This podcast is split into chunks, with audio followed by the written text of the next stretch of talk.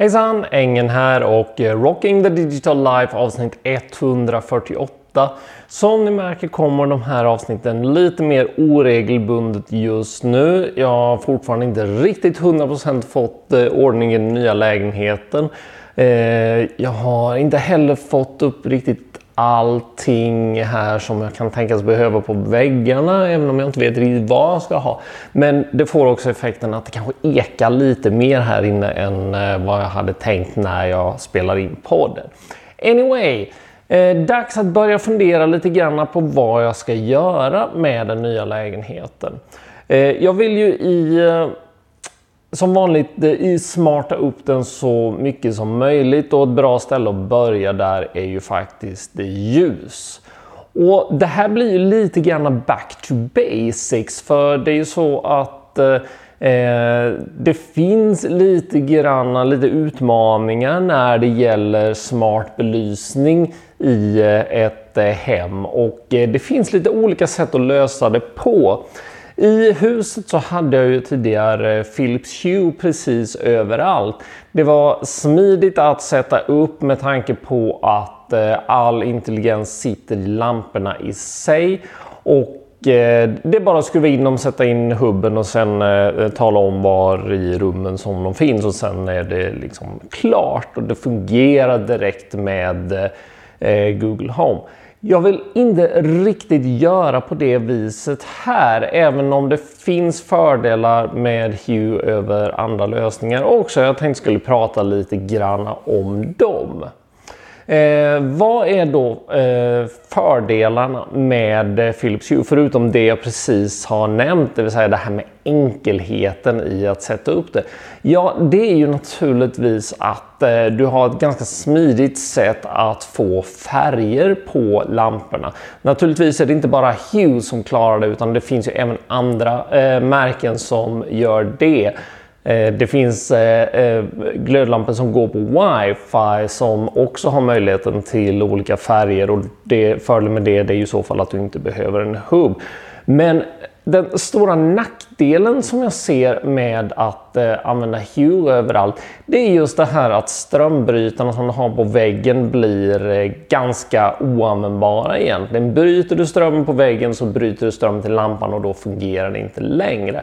Du kan flippa eh, switchen så att eh, typ eh, släck, tänd och sen kan du använda den i alla fall för att tända. Men du kan inte använda den i så fall för att släcka. Och det, det är klart, med tanke på att eh, eh det, är ingen annan här som trycker på knapparna så eh, hade jag kunnat leva med det.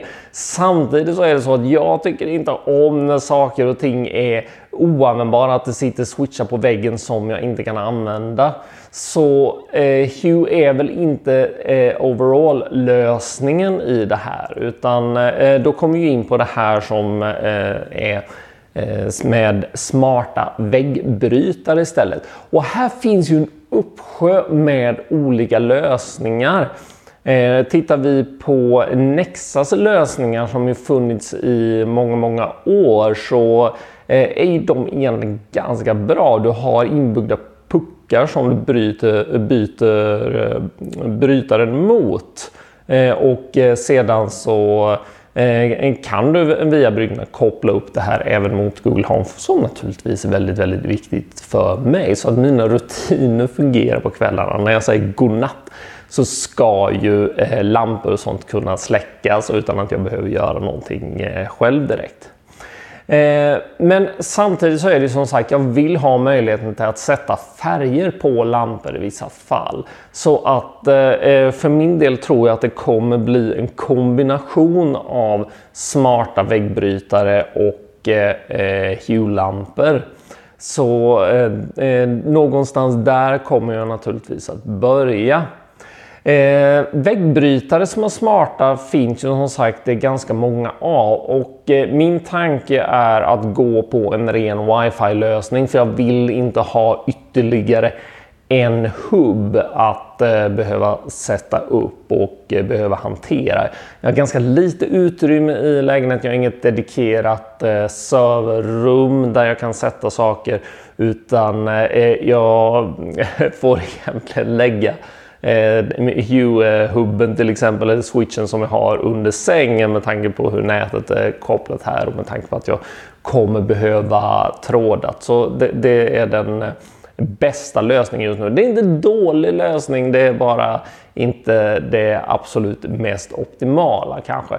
Så jakten börjar nu på att hitta en eh, schysst wifi switch som jag kan testa. Jag har ögonen på eh, en från Kjell Company som jag faktiskt beställt och som jag hade tänkt att testa av och jag återkommer med resultaten på den. Anyway, ha det fantastiskt bra nu så hörs vi igen. Eh, kanske inte imorgon men eh, snart. Hej!